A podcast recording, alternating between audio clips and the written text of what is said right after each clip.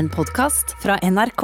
Marie Louise Sunde er kirurg, lege, gründer, forfatter og likestillingsforkjemper. Sunde sa opp drømmejobben som kirurg i protest mot ukultur og maktmisbruk på operasjonsstuen. Nå fremmer hun likestilling i arbeidslivet verden over. Ønsker man forandring, må man brette opp ermene selv, mener hun. Dette er Drivkraft med Vegard Larsen i NRK P2. Marie Louise Sunde, velkommen til Drivkraft. Tusen takk, veldig hyggelig å være her. Hvordan, hvordan har du det? Jeg har det veldig bra. Eh, nå er det veldig bra. Vi har eh, akkurat lansert et nytt design faktisk på Coatsjekk, som vi skal feire i dag, så vi er strålende fornøyd. Ja, Feire nytt design, ja. Ja. nytt nettdesign? Det er, eller? viktig, ja, det er viktig å feire alle små og store milepæler i en eh, startup. Ja. Det man har, ja.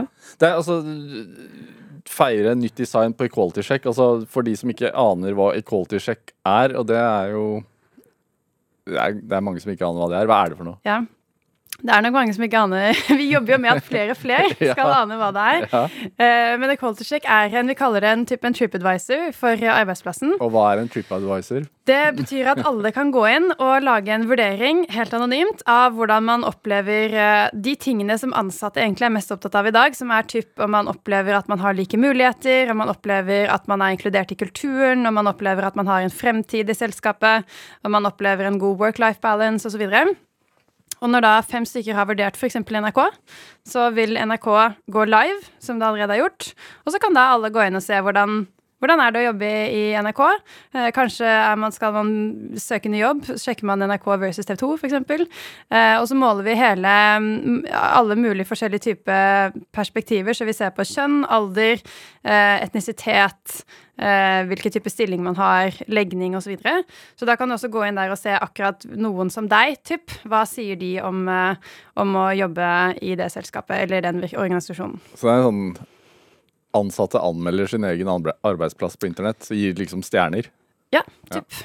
Fem av fem på likestilling. Ja, eller på, altså ikke bare likestilling, men på like muligheter. Eh, har du en fremtid, så da kan du også like mye som hvit mann på 35, hvis du skal søke ny jobb og se ok, hvordan, hva sier andre som meg om den jobben. Er det fett for meg å jobbe her? Er- Menn er like opptatt av disse tingene som kvinner i, i dag. Er det, men handler det hva, Hvilke kriterier er det man Eller hva er det man anmelder eller legger inn? Ja, Det du legger inn er på en skala fra 1 til 5 om du opplever like muligheter, om du opplever at du har en fremtid i selskapet, om du opplever at du har en god work-life balance, eh, om du opplever ubevisst diskriminering, eh, om du opplever eh, at du er inkludert i kulturen, typ.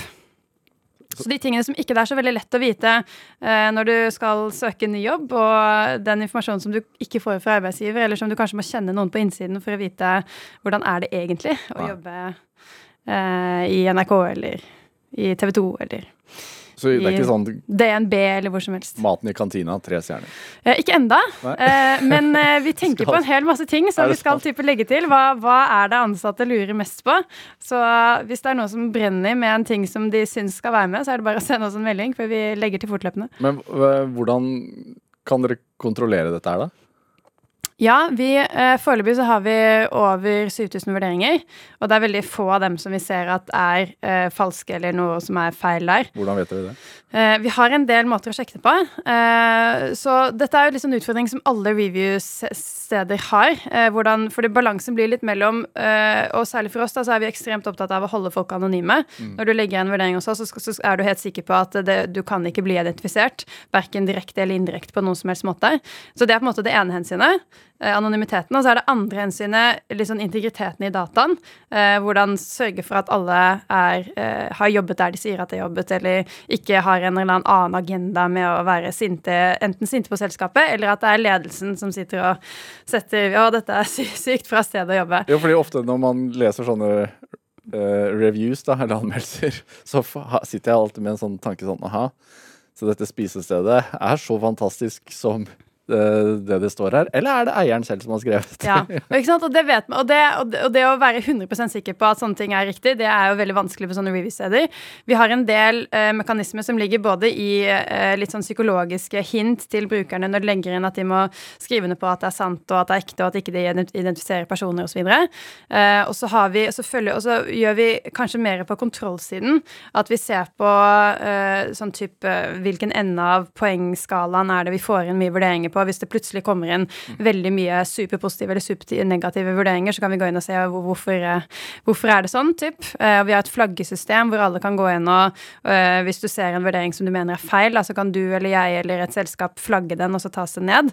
Og så ser vi på det backen om det bryter eller ikke bryter med, med det som er våre retningslinjer. Og så, vi, og så, gjør vi også litt med det på hvordan vi regner ut ting, avhengig av hvor store selskapene er, for å, å kontrollere for sånne outlayers eller sånne som kanskje trekke snittet unødvendig mye i den ene eller den andre retningen. Ja, så målet så, er at man skal, hvis man ønsker å bytte eller søke jobb et sted, at man går inn på nettsiden deres og og sjekker dem. Ja, og det store overordnede målet er å skape mer gjennomsiktighet på dataen og skape mer data, eh, sånn at som vil komme eh, ansatte eller potensielle ansatte til gode, med at man kan se eh, Hvis du skal skifte jobb, så kan du se Hvis jeg nå skulle gå tilbake igjen til kirurgi, så kunne jeg sett hvilken avdeling er det som det ville vært best muligheter for meg.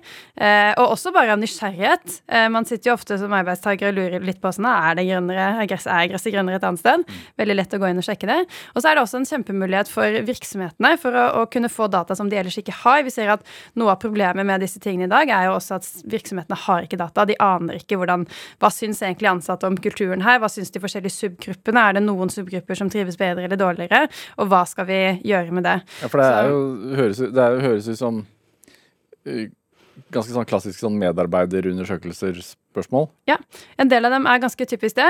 Eh, og så er forskjellen med oss eh, at i medarbeiderundersøkelser så vet vi at en del ansatte vil ikke svare på det, eller de vil ikke svare helt ærlig på det, fordi at selv om arbeidsgiver sier at dere kommer til å være helt anonyme, så stoler man ikke helt på det. Eh, og så svarer man kanskje på litt sånn som man gjør også, at du svarer på kjønn og alder og stilling, og så vet jeg at ja, men det er bare én som er 32 og sekundærvaktkirurg hos oss, og, og, dame, så alle vil jo kunne sjekke hvem jeg er. Og, det stoler ikke på til arbeidsgiver. Eh, vi er veldig opptatt av at den informasjonen kombinerer ikke vi på en måte som gjør at man kan identifisere enkeltpersoner, så vi vil aldri sette sammen alder og kjønn og osv., eh, legning eller etnisitet på en måte som gjør at vi kan identifisere hvem du er.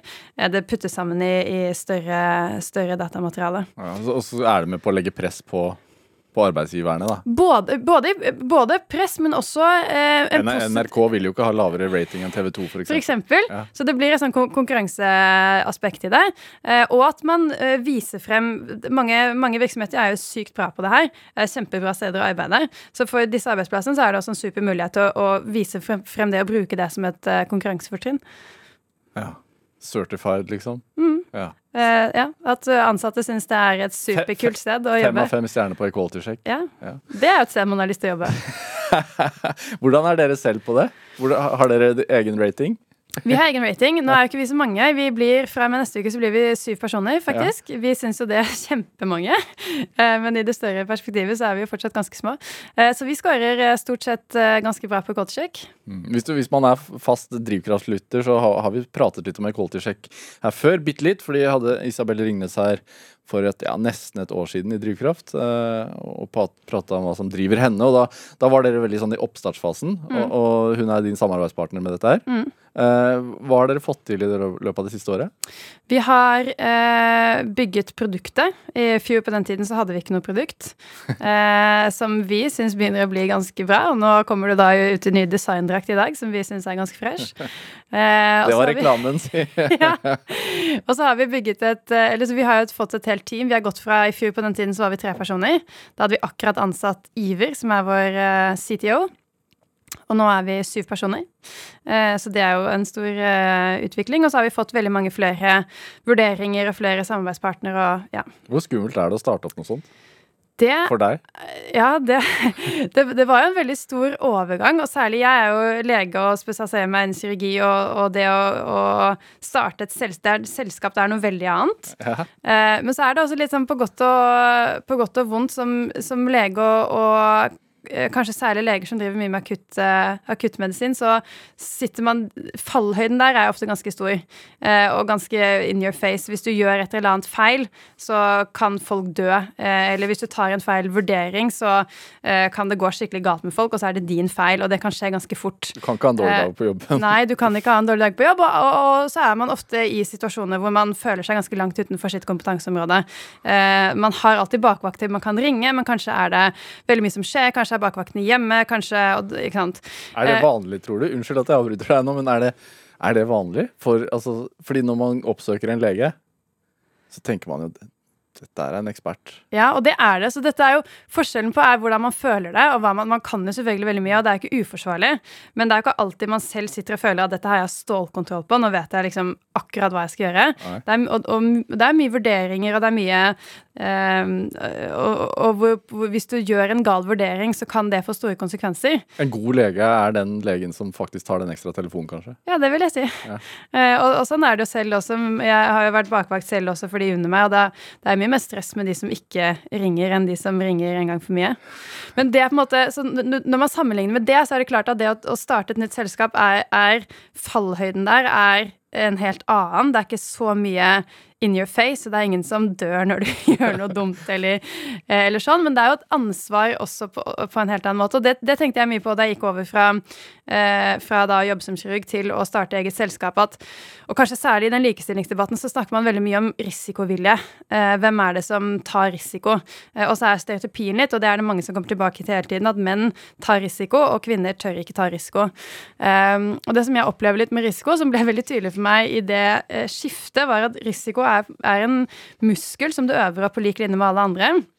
Så som kirurg så blir man veldig vant til, eller som lege generelt, da, så blir man vant til å, å, en høy risiko. Man blir vant til å vurdere risiko hele tiden. Man opparbeider seg en erfaring hvor man vet på en måte, ok, hva, hva er risikoen hvis jeg gjør X eller Y, og hvorfor skal jeg gjøre det, hvorfor skal jeg ikke gjøre det, hva er det hvilken, hvilken risiko er det jeg løper med den avgjørelsen? Typ. Da, da har du nesten statistikk og tidligere prosenter. Ja, og så sånn. har man gjort det før, og så vet du at eh, hva Hvis du, hvis du ofte står Når du står i et spørsmål skal du operere, skal du ikke operere, skal du, uh, skal du fortsette å observere, skal du gjøre en undersøkelse, skal du Så vet du på en måte Både så har du jo lært det og gått på studier og har en, noen års erfaring og vet det, og så kan du ringe folk, og så har du også opparbeidet en personlig erfaring med at du har stått i situasjonen flere ganger før, og du har på en måte en, en, en form for empirisk eh, opplevelse av hva, du, hva som skjer hvis du gjør X eller Y.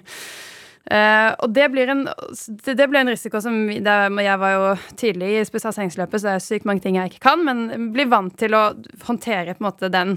Uh, mens da jeg gikk over til å jobbe, starte selskap uh, og være mer i, i måte, den startup-sfæren, og også måtte ta mer avgjørelser som gikk mer på finans eller på juridiske ting, eller som er noe jeg, jeg har ingen erfaring. Og jeg har ingen, opp, ingen opparbeidet egen erfaring, eh, og måtte jo da i den perioden i starten lener meg mye mer på andres, andres vurderinger, på en måte, og det er jo skummelt å ikke ikke vite opp og ned på ting. Eh, men også en tydelig, i hvert fall for meg, en tydelig opplevelse av at risiko er jo ikke en, en eh, konstant eh, evne. Det har veldig mye med hva du har gjort før og ikke gjort før, og eh, hvilken eksponering du har. Og, og det kan jo trenes opp fra det ene til det andre. Det at du har risikoevne eller risikovilje på ett område, betyr jo ikke nødvendigvis at du har det på et annet. Jeg er sikker på at hvis du hadde satt alle disse eh, hardcore investor-gutta i et traumemottak, så hadde ikke risikoviljen der vært så veldig stor. Nei. Fordi der aner de ikke hva De aner ikke hva, hva de skal gjøre, eller hvordan de skal vurdere. Er det, kan man bli avhengig av risiko? Eh, nei, det tror jeg ikke. Det er vel noen som kanskje er litt mer adrenalinsøkende, men det er en, man skal ikke blande adrenalin og risiko, tror jeg. Nei, nei. Eller da risikerer man å ha en veldig ukalkulert, ukalkulert form for risikovurdering. Men har man som kirurg liksom lavere hvilepuls enn andre, tror du? Ja, men jeg, jeg, jeg tror det er tilbake til det. Jeg tror du har veldig mye lavere hvilepuls i, i situasjoner som andre hadde syntes var dritstressende. Ja. Eh, når du kommer inn veldig skadete personer, eller når du står på operasjon og det begynner å blø, og du er liksom Så har jo en kirurg veldig mye lavere hvilepuls enn en, en eh, finansmann. Eh, mens hvis du setter den kirurgen i en eh, stressende finanssituasjon, så er jeg sikker på at finansmannen har en mye, eller kvinnen har en mye lavere, eh, lavere hvilepuls. Så, jeg, jeg tror det er det som er poenget litt, at det handler om eksponering og erfaring. Hvor, hva, hva, hvordan er din hvilepuls, da? I, for, I forhold til de, de nye, de, de nye De jobb, nye. holdt jeg på å si. Jeg, er nok ikke en som blir sånn superstresset. Nei. Eh, men jeg vil, jeg vil nok også si at hvilepulsen er lavere nå enn for et år siden. Ja. Altså, du holder foredrag i tillegg til dette, her, øh, og, og blant annet om liksom, myter ved likestilling. Mm. Um, og det er jo Equality Check er jo et øh, Ja, det er et arbeidsverktøy for firmaer, og, og, men det, jeg føler jo at det er, har mye med likestilling å gjøre. Det er mye med likestilling i den forstand at alle mennesker skal, ha like muligheter. Ja. Eh, og det gjelder om du er hvit mann på 35, eller om du er en innvandrerkvinne, eller om du sitter i rullestol, eller hva du gjør, da. Men disse mytene om likestilling, hva er det for noe? Det er eh, foredrag som jeg har holdt mye som, og det går mer på kjønnslikestilling. Eh, men en av mytene som man typisk hører, eh, er at jeg, jeg, ja, jeg, ser ikke på kjønn. Jeg ansetter bare den beste kandidaten. Eh, og den samme hører man jo nå om fargeblindhet. ikke sant? Jeg, jeg ser ikke på fargen, jeg bare ansetter den beste kandidaten. Eh, og det er det gjort en hel masse studier på som viser at det er vi aldeles ikke. Det er ingen som er, er kjønnsblinde eller fargeblinde for den saks skyld. En studie som vi ofte trekker frem der, er en som heter Hans og Hanna, som blir gjort av Agenda Markedshøgskolen i 2015, eh, hvor det var 100 studenter som leste en tekst om en toppleder. Litt om eh, hvor de hadde studert, eh, hvor de jobbet, litt om familiebakgrunnen. Og så fikk de beskjed om å vurdere denne lederen etterpå. Og det de studentene da ikke visste, var at halvparten hadde lest om Hans, halvparten hadde lest om Hanna. For øvrig så var teksten helt identisk. Og studentene hadde også sagt i forkant at de ikke trodde de vurderte menn og kvinner forskjellig. Og så viste det seg at de som hadde lest om Hans, de, han, de likte ham mye bedre. De syntes han var en mye flinkere leder. De ville mye heller ha ham som mentor eller ta en ølmann etter jobb. Eh, var, de syntes ikke at han var sjefete, eh, og han var en, en, ganske god pappa. Ja, jeg skjønner hvor dette bærer. Men de som leste om Hanna, likte henne ikke så godt. Syntes ikke hun var så god leder. Ville ikke ha henne som mentor. Syntes hun var ganske sjefete. Eh, og syntes hun var en dårligere mor. Eh, og, og, og, dette er jo helt identiske personer, ikke sant. Det er bare navnet som er annerledes.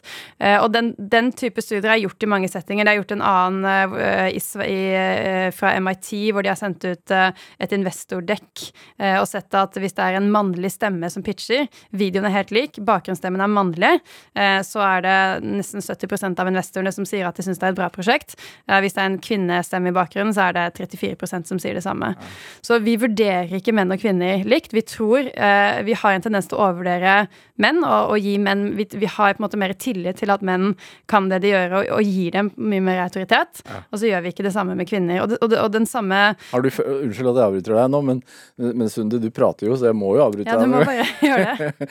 er det? uh, har du så som lege og kirurg, har du opplevd det? Ja, absolutt. Veldig mye. Eh, som, stereotypien på kirurg er en mann, og alle forventer å møte en mann.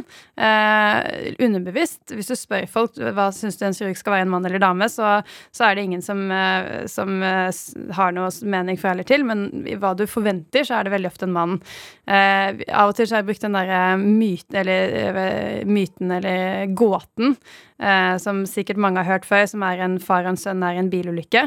Eh, og eh, faren dør, og så blir sønnen brakt til sykehuset. Så kommer kirurgen inn og sier at jeg kan ikke operere ham, for han er min sønn. Ja. Hvordan er det mulig?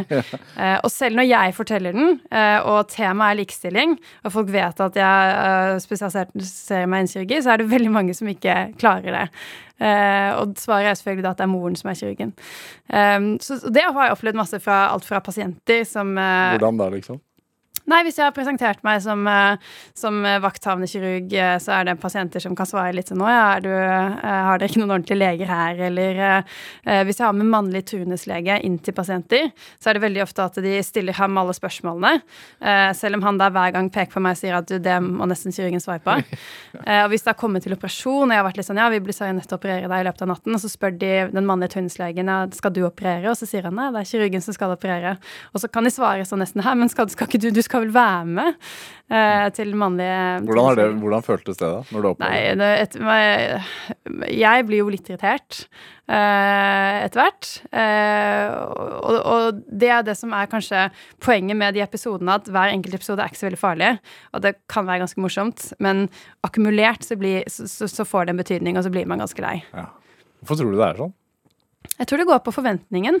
Eh, at forventning, man, man, Tilbake til det med at man oftere gir har en mer naturlig autoritetsfølelse til menn. Man kan også merke det på, på f.eks. andre som man forholder seg til i et kirurgteam. Sykepleiere f.eks. som har lettere for å ta imot beskjeder fra menn eller mannlige kolleger, eller, uten at de tenker på det. Eller andre kvinnelige leger som kanskje stoler mer på om det kommer fra en, en, en mann eller ikke. Og så er det helt underbevisst. Mm. Eh, og jeg tar meg selv i å gjøre det av og til også, ikke sant. Eh, dette ligger hos, eh, hvordan, hos alle. Hvordan når? Nei, eh, for eksempel en ting som jeg skriver om i boken, 'Hvem spanderer', som jeg har skrevet sammen med Isabel. Eh, Et eksempel er hvor jeg hadde, var på vakt og skulle på operasjon, og da hadde dårlig tid, og det var mange ting som skjedde. Og så ringte de fra PO, postoperativ, og sa at du må komme, det er en av deres pasienter som er dårlig, du må komme innom og se på vedkommende før du går på operasjon. Eh, og så kom jeg opp der, og så satt en, en, en eh, person, dame i grønt, bak eh, en data. Så tenkte jeg på en måte bare at der er intensivsykepleieren. Så jeg spurte henne hvor er anestesilegen, og så var hun overlege anestesi og sjef for de jeg hadde snakket med tidligere. Så vi, Hva ligger jo- du, hva ja, følte du da? Jeg, jeg, føler meg jo kjempedum. Og det tror jeg er veldig bra å kjenne litt på den skammen. At, eh, og, og være litt ydmyk på at dette, dette, dette ligger dessverre ganske dypt i oss alle sammen. Ja. Tror du vi klarer å få bukt med det, da? Ja, det tror jeg. Ja. Men man må bare Dette er Drivkraft med Vegard Larsen i NRK P2. Og i dag er lege og gründer Marie Louise Sunde her hos meg i Drivkraft. Smelte i gang den jingeren det er midt i praten din, men det, det går kjapt, eh, Sunde. Det, det er veldig bra, men det går, det går kjapt opp i skallen. eh, Det kommer i hvert fall kjapt ut. Jeg skal ikke si noe om hvor kjapt det går der oppe. Jeg, jeg, føler det. Altså, når jeg liksom har lest CV-en din sånn rett, eh, rett inn på legestudiene, tok uh, uh, doktorgrad på halv tid, var det ikke? Noe sånt? Eh, jo, Jo. det gjorde, nok det, ja. Da går det kjapt. Men altså, eh, hvorfor lege i utgangspunktet? Jeg syns medisin, medisin var veldig spennende. Jeg har to besteforeldre som er leger, eh, og de snakket mye om eh, hverdagen og alt de gjorde, og det hørtes veldig kult ut. Altså, jeg vet at mormoren din eh, var en av de første kvinnene på legestudiet i Bergen. Ja, det stemmer. I 45. Ja. Hva, hvilken, hva var den andre besteforelderen? Eh, han var også lege. Han studerte i København og i, eh, Oslo, i Bergen etter hvert. Ja, var det morfar? Ja, Ja. ja, så de to var gift. Men har, det, har mormoren din da, som jo da var en slags pioner, Absolutt. vært en inspirasjon? Eller? Absolutt. Ja. Og hun faktisk også Hun de giftet seg jo da i eh, eh, 48, tror jeg. Eh, Rett etter krigen. Rett etter krigen. Kanskje ikke det var så tidlig, kanskje det var litt senere. Eh, jeg tror faktisk det var litt senere. Men uansett giftet seg på tidlig 50-tallet. da. Eh, og da var hun tvunget til å skifte navn til, til min morfars navn, og det ville hun ikke. eh, For hun ville beholde sitt eget, også fordi de skulle drive praksis sammen, så det var veldig dumt hvis det var to doktor Stange. Eh, og da måtte hun faktisk eh, søke eh, kongen i statsråd om å få lov å ta tilbake sitt pikenavn. Eh, så hun var også da en av de få som eh, ikke skiftet navn på den tiden. Hvordan, hvordan Hun hadde bein i nesa, da? Eller? Ja, det vil jeg si hun har. Hvor, hvor, men hvordan har du blitt fortalt dette opp, altså, da du vokste opp? Ja, mye fokus på det. Og det fra begge sider. Jeg har også en farmor som var eh, aktiv eh, i motstandsbevegelsen. Eh, som det, også, det snakkes det jo ikke så veldig mye om, de kvinnene som var aktive. Og selv blant mine besteforeldre, så min farfar f.eks., som også var aktiv der, og som satt i, i annet, eh, snakket jo etter hvert en del om det, mens farmor var på en måte det Det var ikke sånn som kvinner skulle snakke om, og det, det skulle man ikke Den rollen skulle på en måte ikke kvinner ha. Så, men det har ligget, eh, ligget tydelig på begge sider. Ja. Så, så at, at kvinner skal eh, ta sin plass sånn som mannen har gjort, eh, har vært liksom stopp på agendaen hjemme fra, Ja. fra tidlig av. Ja, fra begge sider. Det var, det var jo et stort, eh, et stort eh, tog som jeg tror var i 90, 1990 eller 1995, hvor de eh, motstandsbevegelsesveteranene som var igjen, gikk i et tog opp eh, forbi eh, Slottet. Ja. Eh, og da vet jeg at farfar prøvde hardt å overtale farmor om å gå i det toget. Eh, fordi eh, ja, det var, det var ikke helt rom for kvinner å, å ta den plassen etter krigen. Nei. Men det er det nå, heldigvis. da. Ja. Det er det mer rom for nå. Men vi kjenner jo fortsatt ikke de historiene så godt, fordi eh, det har ikke vært så mye fokus på det eh, bakover. Ja, du, du snakket om den fjerde feministbølgen. Mm. Hva er det for noe? Man sier jo litt at den fjerde, fjerde feministbølgen startet sånn i eh, 2014-2015. Eh, og så har det vært, vært eh, da tre feministbølger før det. Eh, på forskjellige eh, Noe av det første var jo da vi, det var begynte å være snakk om stemmerett, som vi fikk i Norge i 1913. Eh, og den fjerde feministbølgen eh, begynte da på eh, rundt 2014 og 2015. Mange attribuerer det litt til talen som Emma Watson hadde i FN i 2014. Eh, og der var jeg, Harry, faktisk. po Harry Potter-stjernen Emma Watson. Harry Potter-stjernen Emma Watson, som holdt en, en tale i FN som har blitt veldig berømt i 2014. Hva sa hun? Hun sa blant annet 'if not now, when', 'if not me, then who'. Og det ble jeg veldig inspirert av. Hun snakket mye også om dette med, med rollen som likestilling og feminisme har i dag, da, og at det er vanskeligere å snakke om. Og, på, og rundt der så hadde jeg også tenkt mye på det med det som jeg da kalte ubevisst diskriminering, som er liksom alle disse stereotypiene vi har og ubevisste fordommene vi har som gjør at vi vurderer folk forskjellig, men vet ikke helt om det. Eh, og hvordan alle episodene så lett kan bagatelliseres og bortforklares. Eh, og litt det med viktigheten av å ha med menn i, i samtalen. Men er det Altså, du har jo fått, eh, Som jeg sa i introen her også, så har du jo fått kjenne dette litt på, på kroppen selv. Altså, du eh, ble lege, eh, kirurg. Eh, du har en doktorgrad i bekkenreserve hva, Nei, du må nesten si dette her. Ja, bekkenreservekirurgi. Ja, er eller ilio, iliopouch analanastomose. Som det populært også heter. Ja, Eh, Hva er det? Veldig kort fortalt så er det pasienter som må fjerne hele tykktarmen Ja. av en eller annen grunn. Eh, ofte pga. En, en betennelsessykdom, det som gjerne man da kaller ulcerøs kolitt. Eh, da fjerner man hele tykktarmen, og da har du jo bare tynntarm igjen. Så, så hvis du bare hadde gjort det, så måtte du hatt en pose på magen resten av livet. Mange av de pasientene er ganske unge. Eh, den yngste i vår eh, studie var tolv. Eh, så det er jo ikke så fett å gå med pose på magen fra du er den alderen, liksom. Eller mange er jo mer i 20-årene, da. Og det er der den operasjonen kommer inn, hvor det man kan gjøre er at man lager et slags reservoar av den nederste delen av tynntarmen, og så sys den rett på analkanalen, og så fungerer det som en erstatning for tykktarmen, sånn at all fekalia eller all avføring går den på en måte tilsynelatende vanlige ruten. Så du kan gå på do eh, vanlig, eh, og du slipper å ha pose på magen. Jeg, jeg krymper meg litt når du forteller dette her, men er det, det, det er din spesialisering? Det var det som jeg tok doktor, doktorgrad i. Ja. Ja. Så du har gjort en del sånne operasjoner? Ja, dette er ekstremt avanserte operasjoner, så jeg har vært med på dem. Ja. Eh, men eh, det ville vært mange år til jeg sto ansvarlig for sånne operasjoner selv. Hvordan? Vi skal ikke snakke så mye om det, altså, men hvordan er det å operere på et annet menneske? Eh, det, det venner man seg veldig fort til, eh, så, så, og distanserer seg fra det, egentlig. Det Eh, første snittet? Ja, men da, man, allerede fra som medisinstudent så begynner man begynner for sakte. ikke sant? Det begynner med å operere på Man dissekerer og, og gjør litt ting på hverandre. ikke sant? Og legger litt veneflon og eh, prøver litt blodgass. Og, så, så, de, så de tersklene blir jo liksom skjøvet på hele tiden. da, Så når man Ja, først jeg- kommer til det, så Ja, for jeg, jeg, spurte deg før vi gikk inn her om du hadde tatt sånn koronatest. Ja. Og så sa jeg at det er noe av det mest ubehagelige jeg har gjort. Fordi man får sånn rør inn i ja. nesen og sånn, så, du- så lo du bare. Og sa sånn de tingene man gjør på hverandre under Ja. medisinstudiene, er liksom mye verre. ja, man blir sånn eks eksperimenter på hverandre. Ja. ja. men, altså, men det var en drøm for deg å bli kirurg. Ja, det var det ganske det? tidlig. Det bestemte jeg meg for typ på andre året på medisin. Og det var fordi jeg syns at uh, sugi er et, det er et veldig løsningsorientert fag. Uh, som er et, et privilegium på en måte i kirurgi. At hvis det er noen ting som en kirurg kan fikse, hvis det er noe du kan operere og gjøre bedre, så er det en kirurgisk problemstilling. Hvis ikke det er det, så er det jo ikke en kirurgisk problemstilling. Så det er en, en veldig løsningsorientert uh, spesialitet. Og, uh, og så er det mye hånd det er et håndverk eh, som er kjempegøy. Eh, og, mye, og så er, har du den kombinasjonen at det er et avansert håndverk, samtidig som at det er et avansert eh, medisinsk eller akademisk fag. måte.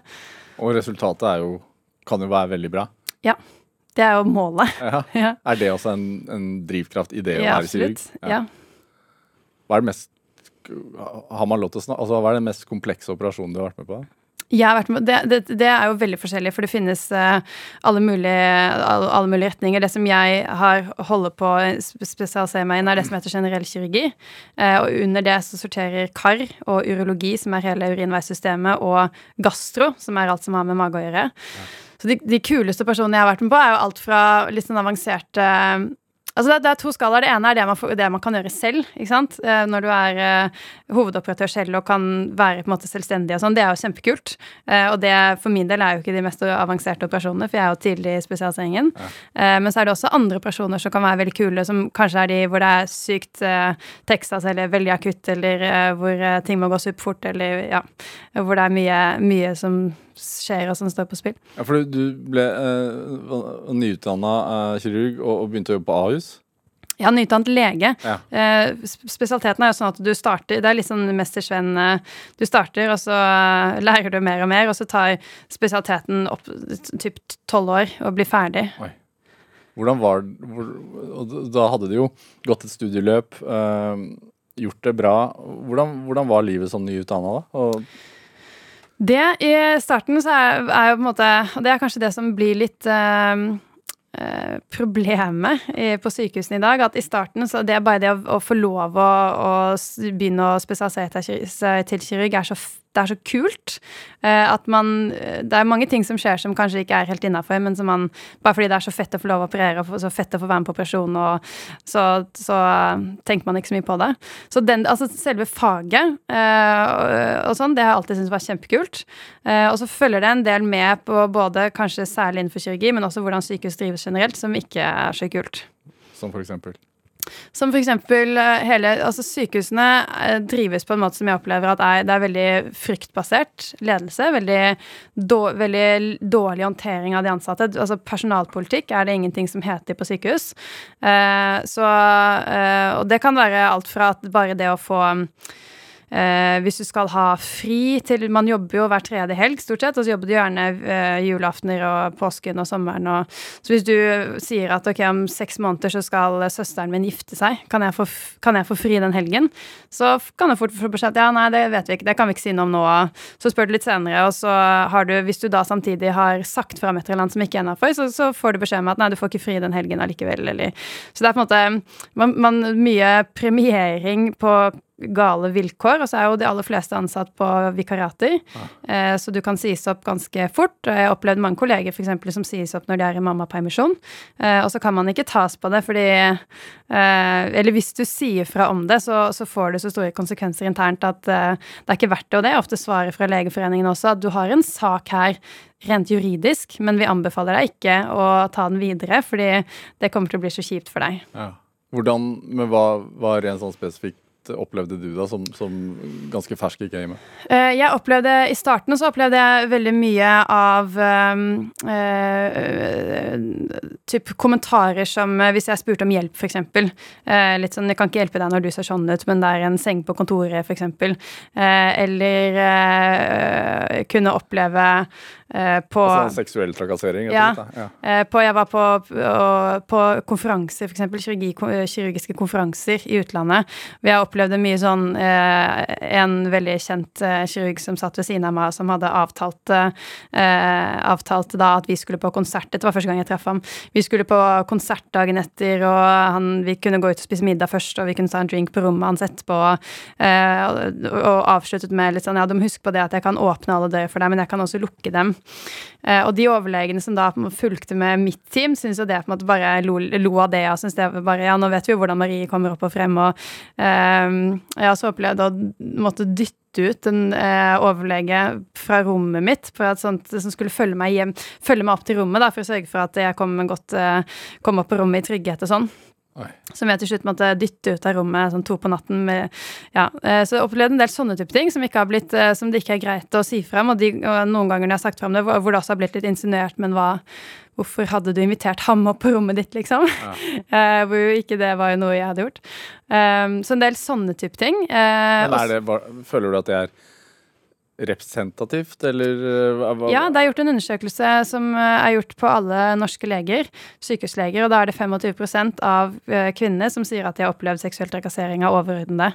Um, og etter hvert som jeg begynte å snakke mer og mer om likestilling, uh, ut, ikke i medisin i det hele tatt, men i næringslivet, typ, uh, så fikk jeg også høre sånne ting som at uh, vi har vært snille med deg til nå, eller vi har snakket med overlege på andre sykehus, og du kommer aldri til å få jobb et annet sted. Um, så Hvor gammel var du da dette skjedde? De første, altså de første historiene var jeg typ eh, 23 og medisinstudent. Ja. Eh, og det, det siste var eh, ja, da var jeg mer øh, 28-29. Det var rett før jeg øh, da etter hvert begynte å si opp. Ja. Eller si fra før jeg sa opp. Og Så- den type opp, det, det er ganske representativt for veldig mange sykehus og for leger, og hvor det er en Hvor man egentlig har en veldig dårlig personalpolitikk, og hvor man har en veldig fryktbasert ledelse, og hvor mange leger opplever å bli trakassert eller få trusler eller eh, få gjort livet vanskelig hvis man sier frem ting. Og det kan være alt fra ugrei oppførsel eh, eller gå på pasientsikkerhet, hvis man sier fra at den, det vi gjør her, er ikke pasientsikkert.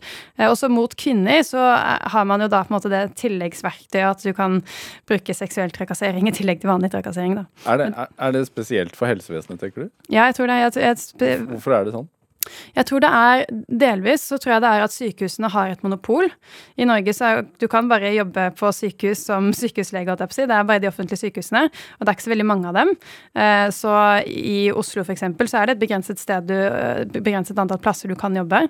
Eh, og så er det en kultur som har satt seg litt, hvor jeg tror at internt på sykehusene så tror jeg ikke man vet hvor spesiell den kulturen er, og hvordan det fungerer andre steder. Nei.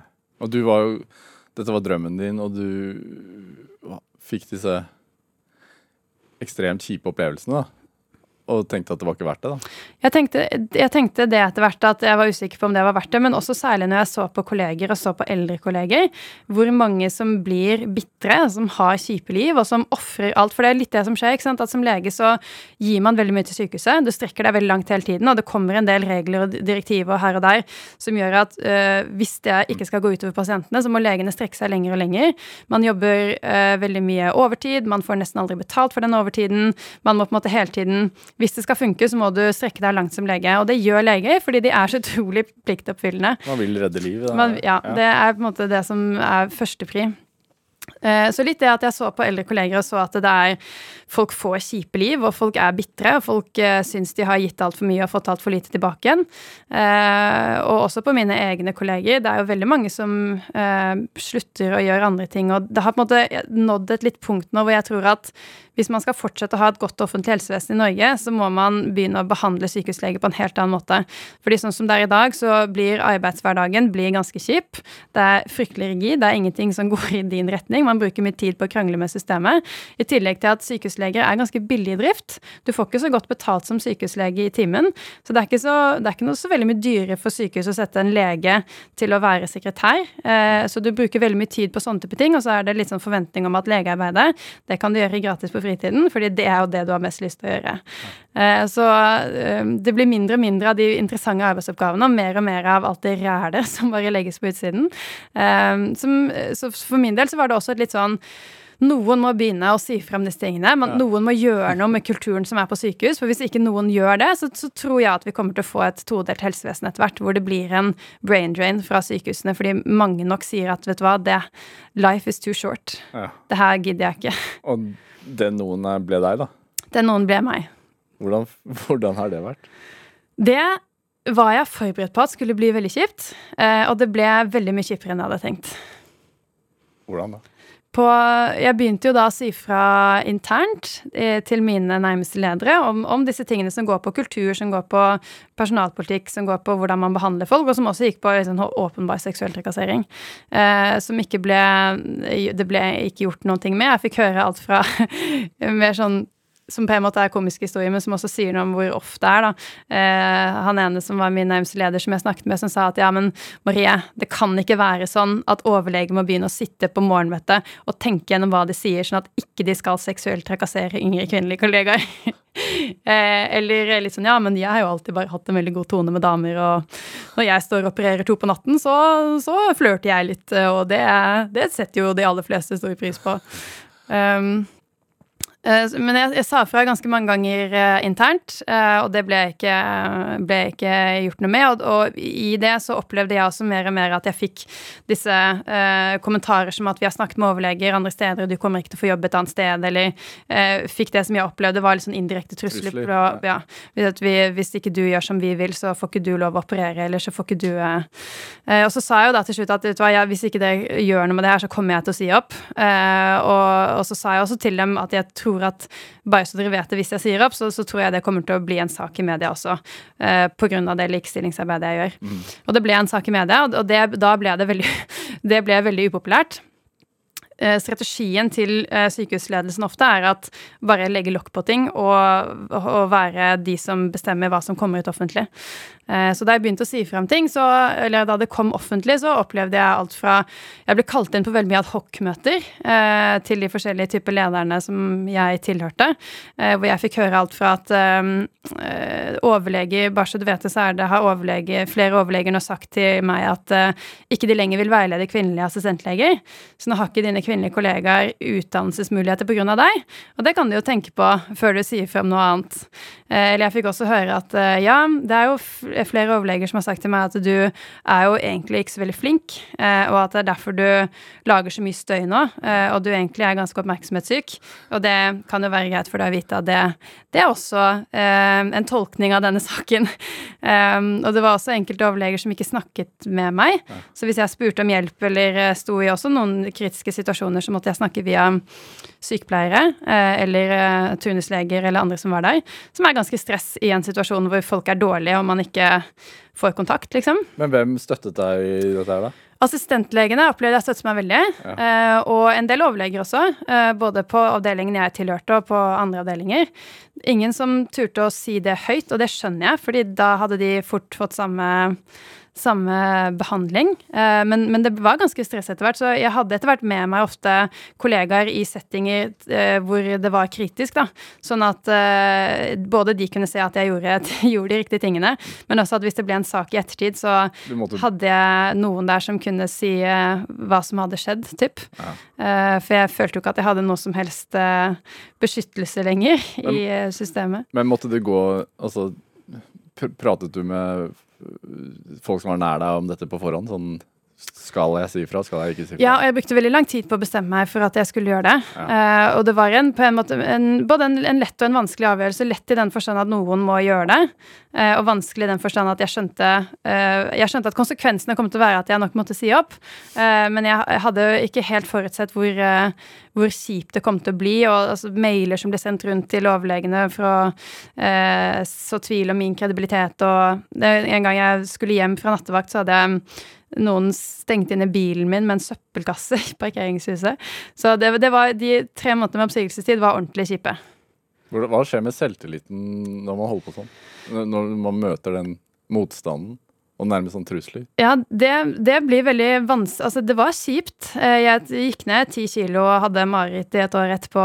Eh, det var kjipt. Eh, og også når man hører sånne ting som Og særlig en sånn situasjon hvor det er så det, er så stor konsekvens hvis man gjør det feil, og det å da høre litt sånn at ja, folk sier jo du ikke er så veldig flink, så eh?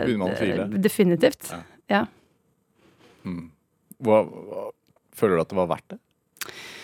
Eh, det var en slags varsler på et vis? På, ja, på eh, et personlig plan så vet jeg ikke. Men for saken så føler jeg at det var verdt det. Ja. Eh, fordi eh, for andre så er det lettere å si fra når, eh, når, noen har gjort det før, og det er jo andre som sier fra også, men, men konsekvensene er så store. Og der, det var jo litt det jeg tenkte på forhånd også, at etter hvert som jeg har blitt en i hvert fall eh, stemme som noen sender når det kommer til likestilling, eh, i det så ligger det også et ansvar i at man har en større mulighet til å bli hørt. Eh, og det ansvaret må man ta også, noen ganger. Er det noen som takket deg, da? Eh, veldig mange. Eh, mye fra folk jeg kjenner og folk jeg ikke kjenner. Og det får jeg fortsatt. Er, det, er broene brent, eh, eller kan, man, kan, du komme tilbake som kirurg? Aner ikke. Hva håper du, da? Eh, jeg håper ikke at de er eh, brent. Nå kommer jeg til å jobbe med quality check noen år fremover nå. Ja. Men jeg håper ikke at det er brent. Men, Også mest av alt for systemets del. Ja. Hvis det er så skakkjørt, så er det jo fryktelig ille. Men du holder foredrag for helsevesenet i dag. Ja. Om dette her. Mm. Og det, det, da tenker jeg at da har man kommet et skritt eh, lenger, da. Ja. Hvordan blir det mottatt, da? Eh, eh, Det blir stort sett mottatt veldig bra. eh, På, og jeg har en veldig god dialog med Helse Sør-Øst og mange andre som betyr noe sånn der. Og så er det noen ganger vi holder foredrag. Jeg har hatt et foredrag i Tromsø for den Ene Land medisinsk forening der. var, og de, var, de aller fleste var jo på en måte superpositive etterpå. Og så var det en kar som reiste seg, som var ja, typisk sånn mann 55, da. og som fortalte at han var kirurg der oppe. Og som begynte med å si at eh, når jeg hører dette, eh, så er det vanskelig å se for seg at dette er noe annet enn en ikke så veldig flink kollega eh, som har fått motstand, eh, og som setter det på likestilling, eller som et eller annet sånt. Så det er, så det er jo litt eh, Ja, Det er en jobb å gjøre. det er en jobb å gjøre. Dette er Drivkraft med Vegard Larsen i NRK P2. Og i dag er eh, lege og gründer Marie Louise Sunde her hos meg i Drivkraft. Eh, jeg vil vite litt om deg. Du er du, du, du vokste opp i Oslo. Mm. Du har tre søsken. Mm. Eh, hvem var du som barn? Vet ikke. Jeg har jo aldri møtt meg selv som barn. Men jeg tror at jeg var ehm, eh, Har alltid vært et Jeg har nok alltid hatt eh, den egenskapen at jeg er har ganske sterke meninger, og har ikke vært så redd for å lufte det. Jeg har aldri vært så veldig autoritetstro, som sikkert har vært frustrerende for lærere og foreldre av og til opp igjennom. Um, og ganske, ganske målrettet alltid. Og, og, og så har du, altså Vi snakket litt om besteforeldrene dine. Mm. og, og både moren og faren din er jo eh, ja, de er ikke, eh, de er ikke offentlige personer, men altså moren din Ingrid Stange er filantrop. Faren din eh, Ole Jakob Sunde eh, grunnla formueforvaltning, er styreleder i Skipstedt. Altså, eh, har de vært med på å gi deg den selvtilliten som gjorde at du f.eks. turte å si opp jobben? Eh, ja, og jeg vet ikke om det er selvtillit. Jeg tror det mer er en sånn mission, eller at noen uh, Et ansvar, Ja. kanskje. En ansvarsbevisstgjøring. Uh, ja, definitivt. Både mamma og pappa har alltid vært veldig opptatt av integritet og hvilket ansvar man har. eh, og, og særlig ansvar som følger forskjellige typer roller eller forskjellige typer muligheter. Eh, muligheter er jo superfett å ha, og så følger det også ofte et ansvar ved å ha muligheter. Eh, så, så det har de alltid vært eh, opptatt av. Men er det viktig, tror du, å ha en slags sånn trygg, trygg base, en sånn trygghet i seg selv? Ja, det tror jeg er kjempeviktig. Og jeg, eh, og særlig sånn som denne prosessen med i alt fra å, å si fra sånn som jeg gjorde, så var det jo mamma og pappa som var eh, Team Stang Sunde, som jeg ofte ringte på vakt også når jeg var helt uh, fortvilet og ikke visste hva jeg skulle gjøre, og som har alltid vært mine måte, rådgivere og sparringspartnere. Også det å starte selskap og få råd og tips om hvordan tenke og hva man, uh, hva man gjør og ja. Det tror jeg er kjempeviktig. Ja. Tenker du når man har sånn Altså øh, Moren din har startet opp ting selv også. Altså, Mm. øh, Var med å stifte Montessori-skolen i Norge, f.eks. Uh, er, er det å, å våge å gå inn i gründervirksomhet, er det noe man lærer? Jeg tror man lærer det å tørre å gjøre noe som man ikke helt har kontroll på. Eh, og det å, å leve med en viss form for usikkerhet. Dette er jo ting som også er ganske kjent fra det å jobbe som lege. At du eh, må ta avgjørelser uten helt å vite hva, du, hva som er resultatene. Du har kanskje ikke nok informasjon til å ta avgjørelsen. Eh, du vet ikke helt utfallet. Det å leve med risikotyp. Eh, og også, som jeg tror jeg har lært mye av fra mamma og pappa, det å å tørre å ha høye ambisjoner og gå for det. Og noen ganger så går det, noen ganger så går det ikke. Eh, men sånn er det. det Ja. Men også sånn, Equality Check er jo opptatt av øhm, like muligheter Mm. for alle. Er, er det like muligheter? I dag? Ja. Nei. Eh, ikke like muligheter for alle i dag. Er det, har du vært privilegert selv, tenker du, i forhold til mulighetene dine? Definitivt. Eh, jeg, der hvor jeg har vært mest privilegert, tror jeg er det å ha foreldre som eh, har vært ekstremt engasjert i oss barna, eh, og som har vært veldig til stede, og som har brukt mye tid på å eh, følge oss opp og gi oss eh, råd og veiledning og, og være til stede. Typ. Vi, jeg føler Vi har jo alltid vært den høyeste prioriteten til mamma og pappa, uansett hva de har drevet med, og, og det er et enormt privilegium. Og så vet jeg at du egentlig skulle bli ballettdanser. Ja, det skulle jeg også på en tid. Et et tidspunkt. Jeg danset på Operaens ballettskole uh, inntil jeg fikk en ryggskade. Uh, og så sluttet det. Mm. Hvor, hvor Ballett er jo en er jo en eh, kunstform som krever ekstremt mye. Mm. trening og lidelse, holdt jeg Mm. på å si, og vilje, da. Mm. Er det, hvor mye har du tatt med deg derfra? Eh, har nok tatt med en del For det er som du sier, at det er, det er veldig målrettet. Ja. Eh, veldig, du, du må sette et mål langt fremme, og så må du jobbe lenge mot det. Og så må du tolerere mye inn- innimellom der. Eh, så det, det tror jeg man lærer veldig mye av. Ja. Og underveis, altså, jeg vet jo at da du var lege, så startet du og, og Ringnes eh, Hun spanderer, holdningskampanjen. Mm, Så det har jo vært noe som har ligget Ja. absolutt. eh, Jeg har vært veldig, lenge. Dette med, med Likestilling. likestilling. har jeg vært veldig opptatt av lenge. Og det var derfor jeg var og har vært engasjert i forskjellige ting. Så det var derfor jeg ble invitert til FN i, i 2014. Uh, og så var det på bakgrunn av det uh, at vi etter hvert da startet Hun spanderer. ja. Og hva var det? Hun spanderer. Ja. Det var eh, Og det vi, formålet med det, og det var litt Jeg hadde jo da allerede tenkt mye på dette med ubevisst, det som vi etter hvert kalte ubevisst diskriminering. Hvordan kvinner og menn møtes forskjellig, men det er vanskelig å, å sette fingeren på det, fordi hver enkelt episode er såpass banal Ja. eh, at eh, man kan lett bortforklare det eller si at det var en spøk eller sånn.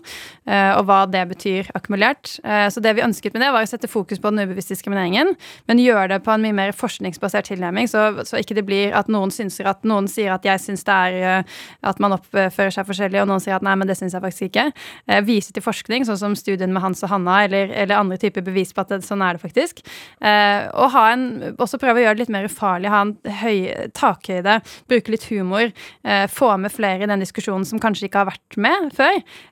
Og så var det viktig å få med menn, og, og, og redusere litt den polariseringen som er mellom Kanskje var lite grann, særlig rundt 2014, mellom menn og kvinner i likestillingsspørsmålet. Hvordan var det å prate i FN, da?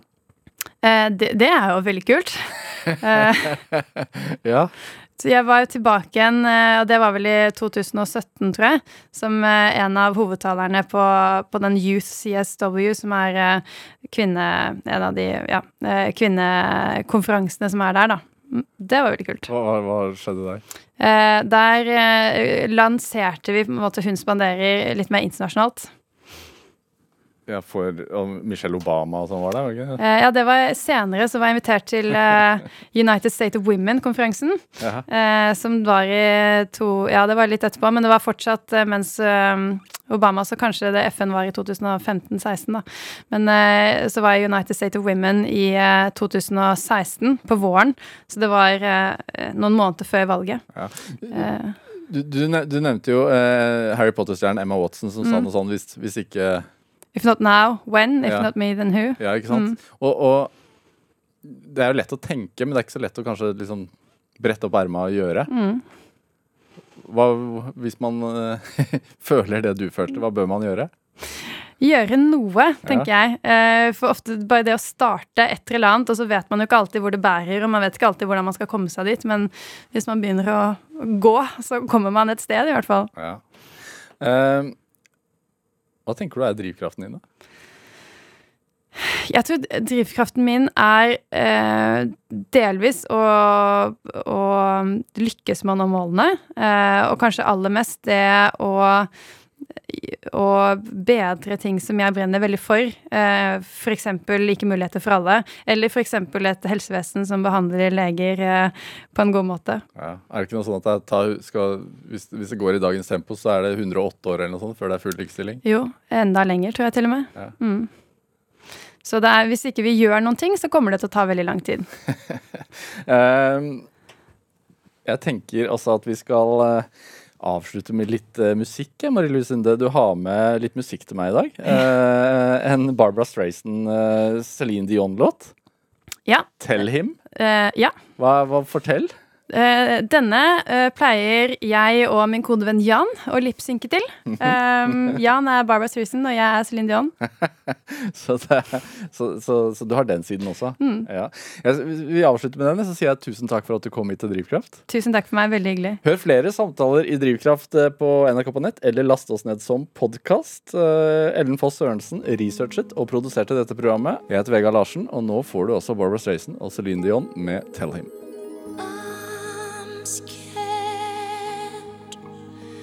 So afraid to show I care. Will he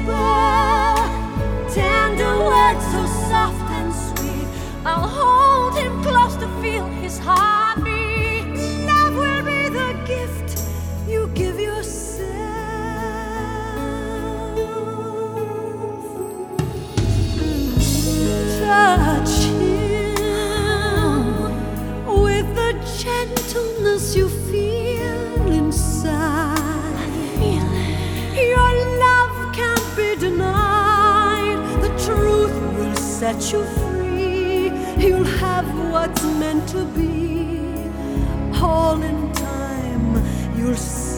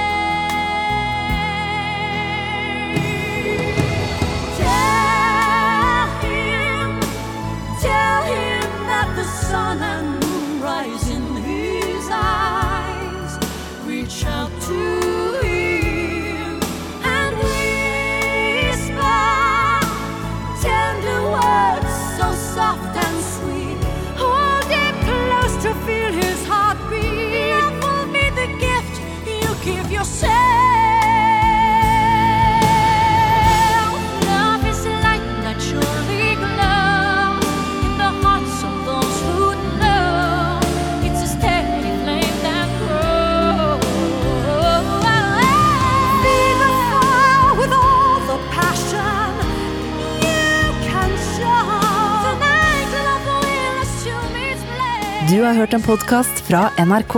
Hør flere podkaster og din NRK-kanal i appen NRK Radio.